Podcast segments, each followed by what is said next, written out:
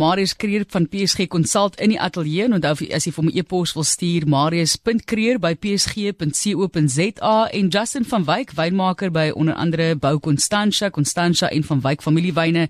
Welkom en goeiemôre aan beide van julle. Dit voel soos 'n Vrydag met julle. Uh, goeiemôre Matlies, môre luisteraars. Hoekom die fokus eerstens Marius op wyn en belegging met wyn? Wel ek het maar 'n passie vir al twee. Jy weet uh En uh omdat dit nou 'n bietjie die seisoen is wat ek dink uh, mense geniet wyn meer, uh, dat ek 'n bietjie meer tyd daarvoor en dit is uh, oor die tydperk is dit nou maar sien jy baie keer mense sit op hulle stoepe met 'n glas wyn. Uh en ek het in die verlede baie gedink oor wyn oor die hele proses van wyn maak. En ek het gedink ek wil dit 'n bietjie deurtrek vanoggend na beleggings en die verskillende ooreenkomste bietjie uh verwys na. Nou, jy moet vir ons die vlakke van wynbelegging uitwys want ek weet nou nie of daai 78 Cabernet wat ek eendag vir my verjaarsdag gekry het, 'n belegging sal wees soos wat 'n kunststuk sal wees en of jy belê in die plaas of jy belê in die die vervaardiging en die proses nie. So kyk vir ons die ja. vlakke van belegging. Nee, ek dink dit ja, ek dink dit eerstens ek dink as 'n mens nou uh, uh praat oor 'n beleg wynplaas is 'n belegging, weet ek nie of dit 'n belegging is deesdae nie. Ek hoor maar net uh, mense praat van ROE wat gewoonlik staan op return on equity, maar hulle sê by 'n wynplaas staan dit return on ego. Maar uh so ek weet nie of mense regtig baie geld maak met 'n wynplaas en ek wil nie regtig die die die die die die saak uitmaak om 'n wynplaas te koop as 'n belegging nie. Daar is natuurlik fondse in in in Europa wat jy kan koop waar jy nou in 'n wynfonds belê. So hulle gaan en hulle koop 'n klomp duur wyne en hulle hulle stoor dit. En daai daai fonds het nogal nie sleg gedoen nie, maar in Suid-Afrika is dit nou nie beskikbaar nie. Uh ek wil liewer liewer 'n bietjie praat oor die aspekte van wyn maak en hoe dit mense dit kan vergelyk met ook die aspekte van belegging. Uh, en, en ek dink tog daar's 'n redelike ooreenkoms. Ja, en binnelands versus buitelands. ja, verseker daar is natuurlik wynwêreld ja, bande en so. Daar seker wyne by ons beskikbaar uh, wat nie buite beskikbaar is nie. Ons maak 'n pinotage wat hulle nie maak aan die buitekant nie. Maar daar's weer wyne daar wat ons nie maak nie. Uh en as jy dan nou van daai wyn wil hê, dan moet jy dit maar invoer. Soos wat ons ook maar mee dieselfde met beleggings ook maak. Ons moet seker goed in die buiteland kry wat ons nie hier kan kry nie. So ja, kom ons uh, begin maar 'n bietjie daaroor die oor die agtergrond praat. En die pyn wat 'n mens ervaar wanneer jy oor see ordentlike bottel wyn in pond wil koop, maar jy is ingeskakel op RSG Justin van Wyk dan ook saam met ons hier. So Justin gee vir ons net 'n idee van jou agtergrond ook as wynmaker en die feit dat jy op soveel verskillende plekke betrokke is. Ja, dankie. Ek het ehm um, in 2007 uh klaar gemaak by die Stellenbosch Universiteit. En uh ja, ek het dadelik begin in Constantia uh in 2008 by Constantia Glen en uh, as die assistent wynmaker en toe toe kom die geleentheid saam met uh, Bou Constantia. Bou Constantia is die plaas langs Constantia Glen en ja, so daar was 'n geleentheid nadat ek bietjie oor see ehm um, 'n paar parste gedoen het om terug te kom en en die wyn te maak vir die twee plase. En ja, so dit was paar jaar terug, 10 jaar uh, sorry, 7 jaar terug. Ja. En ja, onlangs dan my eie uh wynreeks begin. Dit is van Wyk Family Wines. So, kom ons gesels gou oor wat Marius gesê het. Is dit belegging of is dit ego? Is dit liefde vir die saak of is dit is daar regtig geld te maak daarin? Ja, nee, vir my in in terme van die van Wyk Family Wines is dit definitief ehm um, daar's geld te maak. Ehm um, ek sou dit nie begin het as as daar nie geld te maak was nie. Ehm um, dit is definitief jy weet uh, ek koop nie 'n plaas nie. So ehm uh, um, met hierdie wyne ek koop die druiwe aan by ander produsente so ek het hier 'n mooi plaas wat ek kan wys vir mense nie maar wat hulle wat hulle kan sien wat ek maak is die wyne. En ja. Nou Justin moes gaan pars oor see Marius om daardie ondervinding te kry. Hoe vergelyk dit met die opleiding as belegger? Ja of of om of om beleggings te bestuur. En ek dink dit ehm um, mense wil nie geld wat hulle swaar voor gewerk het vir iemand gee wat nie opleiding en, en ervaring het nie. Uh ek sal ook nie 'n wynmaker aanstel as ek 'n wynplaas koop wat geen ervaring het nie. Uh ek gebruik al die voorbeeld, miskien gaan mense nou my agt my ouderdom agterkom maar ek was in die grensoorlog was ek 'n voetsoldaat in infantry gewees. Nou hulle sê die gevaarlikste ding op die grensoorlog was 'n een ster luitenant. Met ander ou het geen ervaring, hy was nog nooit in die bos nie. En jy wil nie saam met so 'n ou oorlog toe gaan nie. So wil jy ook nie by iemand wees wat jou geld bestuur wat geen opleiding het nie, wat geen ondervinding het nie. Ek dink as 'n mens nou bietjie sommer na ons huidige scenario kyk, sommer die hele stand of debacle. Ehm um, en dit is die eerste keer wat jy geld bestuur. Ek dink dan jy nogal redelike slapelose nagte. Ek dink ek slaap self slaap nogal lig. Maar omdat 'n ou al deur 'n paar van hierdie goed deur hierdie skokke gegaan het, het jy nogal 'n idee van hoe om dit hanteer en hoe en en wat is besig om te gebeur om jou. En ek dink dit is dit sê maar net weer, jy kan nie gaan wyn maak sonder ondervinding en opleiding nie. Jy kan nie beleggings bestuur sonder ondervinding en opleiding nie. En beide van julle werk ook so half ploeg met 'n ander man se kalvers op 'n manier, né? Behalwe nou vir die van Wyk wyne en so. Ek weet dit is jou besigheid ook Marius, maar jy praat van slapelose nagte en dan dink ek maar jy werk met iemand se toekoms, met hulle geld, met hulle aftree geld byvoorbeeld. Is hoe hanteer jy dit emosioneel oor die jare? Is dit wat jy iets ontwikkel oor die jare wat jou sterker maak?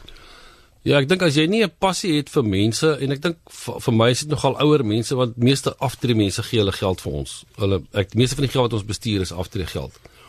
Met ander woorde, vir my gaan dit nie oor die belegging nie. Vir my gaan dit oor wil ek daai kan ek daai persoon se drome wat na my toe gekom het, wat sy geld aan my toe vertrou het, waar maak op 'n realistiese manier. Daarom doen ons 'n beplanning voor die tyd om sê maar dis ons doelwit dit doelwit moet daalbaar wees en dit realisties wees.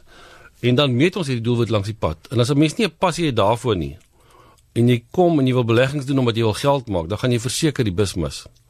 Want daai ding dryf jou om seker te maak jy doen jou bes.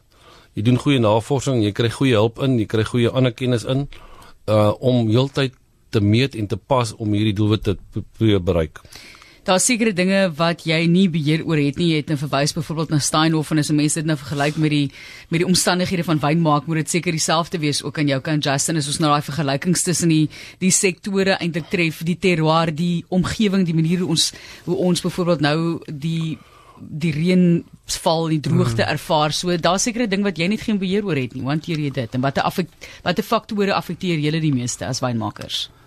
Ehm um, as wynmakers is dit definitief uh, wat buite gebeur. So die die reën, die droogte en uh, dit veroorsaak wat ons doen. Alles in wynmaak kom van die druiwe af. So uh, jy weet ehm um, dis hoekom ons in wynmaak het ons baie jare wat beter is as ander. Ehm um, ek moet sê in Suid-Afrika is dit heelwat beter as Europa want ons het 'n droë klimaat. Ons kry nie baie reën in die parstyd nie. Ehm um, Ja, maar alles wat buite gebeur en en dit is terroir en dit is iets wat ons moet uh, mee werk en wynmakers ehm um, hulle leer elke jaar by hulle wingerde.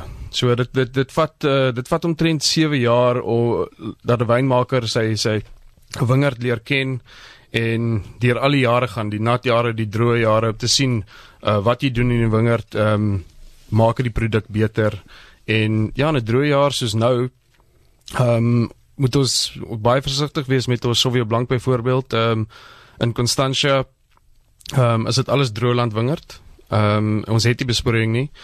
So uh, ons moet seker maak ons uh, ons wingerde het genoeg ehm um, kapasiteit om om ons drywe te lewer uh, einde Februarie. En in die wingerd kan ons dan loof bestuur. Ons maak seker die drywe hang in die skaduwee. Ons breek blare in die middel van die loof uit in plaas van buite die loof. En dit sal ons miskien heelwat anders doen in 'n in 'n in 'n in 'n ander jaar. Daar is siklusse soos wat Marius ook vir ons uitwys. Ek dink daar baie mense wat sê dat aardverwarming is net nog 'n siklus. Daar's geweldig baie debat daaroor. Ja. So Marius van jou kant af, jy ervaar hierdie siklusse, wel, nie aardverwarming ja. siklusse, maar siklusse ook in die Verseker, ons het ons het ons het ons het ons het sekere siklusse, ons het sekere klimaatsveranderinge. Ehm um, jy kry goeie jare wat die aandelebeurs wat jy in 'n bilmark is wat jy baie meer aandele in jou portefeulje wil hê, dan kry jy skokke wat jy nie voor gevra het nie, soos Steinhoff of 11 September of uh 'n uh Suid-Oos-Asiese krisis of wat ek al of 'n Midde-Ooste krisis. Daar's een of ander oorlog wat weer begin word in die Midde-Ooste. Ehm um, dis goed wat jy nie kan beheer nie. Dit jy gaan dit kry. Maar jy moet dit kan bestuur. Ehm um, jy kan nie sê okay, ons het hierdie jaar net 'n baie warm jaar ons gaan nou nie Sauvignon Blanc maak jy moet dit jy moet dit bestuur in daai proses. So ons probeer ook met die seisoen wat ons het werk. Met ander woorde, ehm um, in 'n portefeulje het ons sekere bateklasse. So ons het aandele, ons het eiendom, ons het effekte en ons het kontant en ons het ook buitelands. So ons probeer kyk hoe lyk die omgewing? Uh hoe lyk hierdie jaar? As hierdie jaar dink ons 'n baie goeie jaar is vir die vir die rand en vir buitelandse aandele, dan wil ons ons blootstelling bietjie meer verhoog daaraan. As ons dink dis 'n swak jaar vir effekte, dan gaan ons baie minder effekte in die portefeulje sit. Met ander woorde, ons moet die klimaat kan lees, ons moet die siklusse kan lees en ons moet dit kan bestuur en inbring in die portefeulje om ons doelwit te bereik. Hoe lees julle dit? Is dit weer ervaring? Ek dink dit is seker die mees fascinerende deel vir ons leuke as dit kom by finansiële bestuur.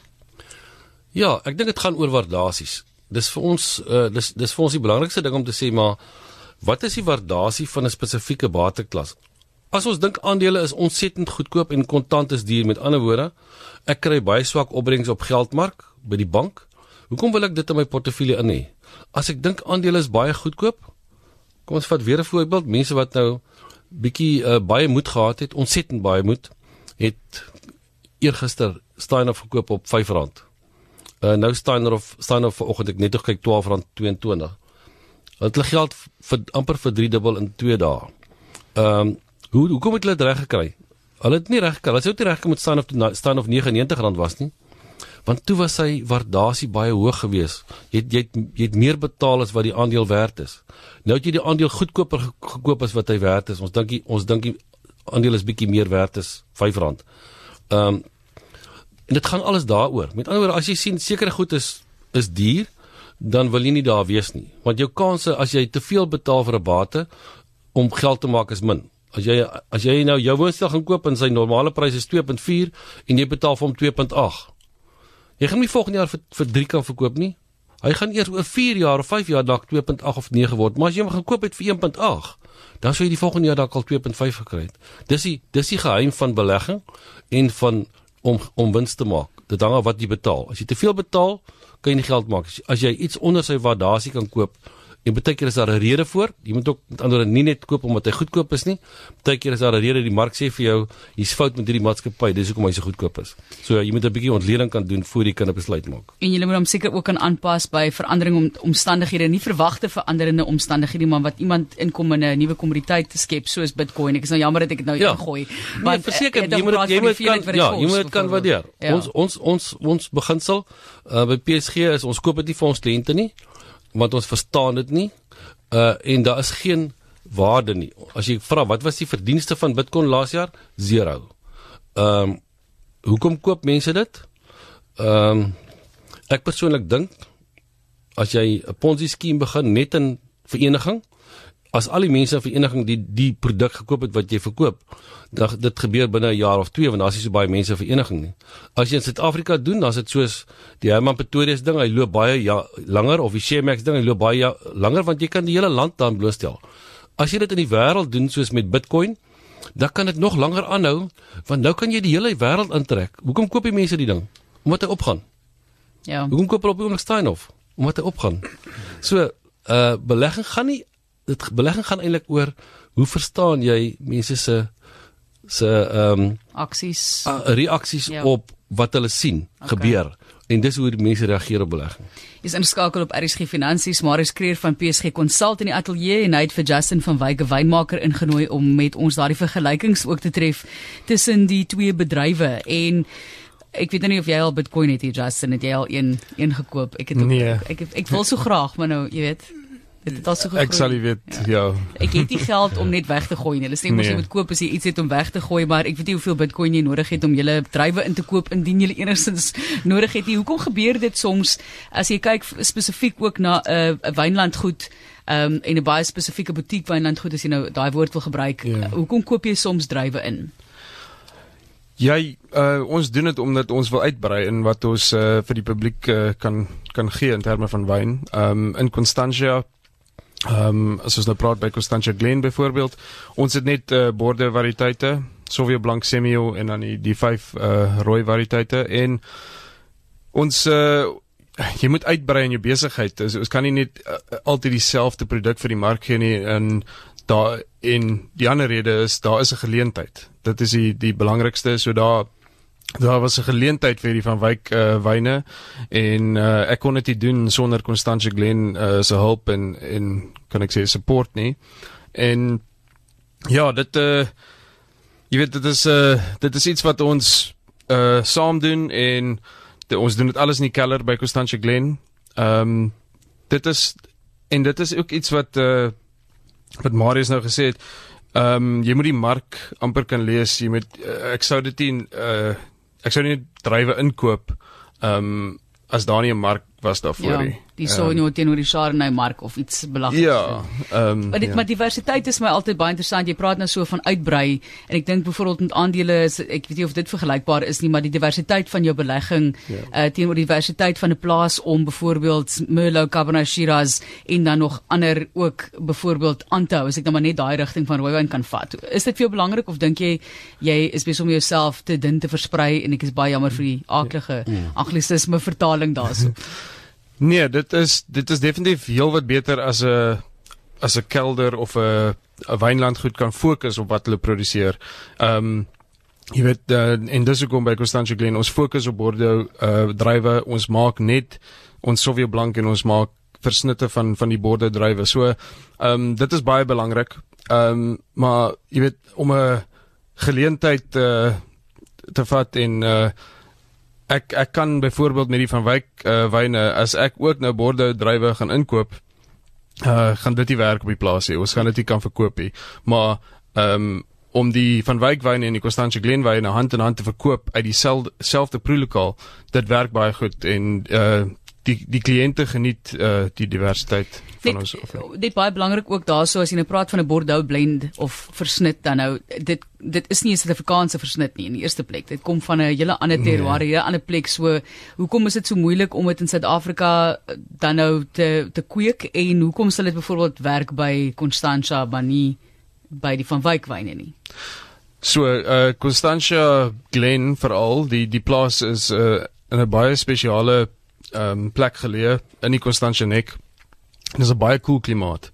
Ehm um, Bordeaux drywe ehm um, hulle het 'n baie lang tydperk nodig om ryp te raak. So dis 'n koel klimaat met baie sonlig en dit uh, dit help dat die drywe baie lank op die drywe op die wingerd hang en dit gee ek dink 'n uh, baie goeie terroir vir die vir hierdie drywe.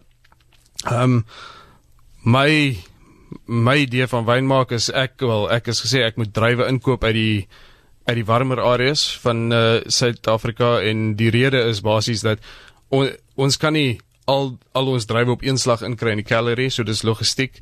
Ehm um, so ek het ek het gekyk okay ek moet nou Swartland Stellenbosch toe gaan. Wat wil ek maak? Ehm um, ek maak Chenin Blanc ek kry Shiraz uit uh, Darling en ek kry ook uh, Shiraz uit Elgin eintlik. Ehm um, Maar dit is net uh ja, dit is wat werk in ons keller. So ons ja.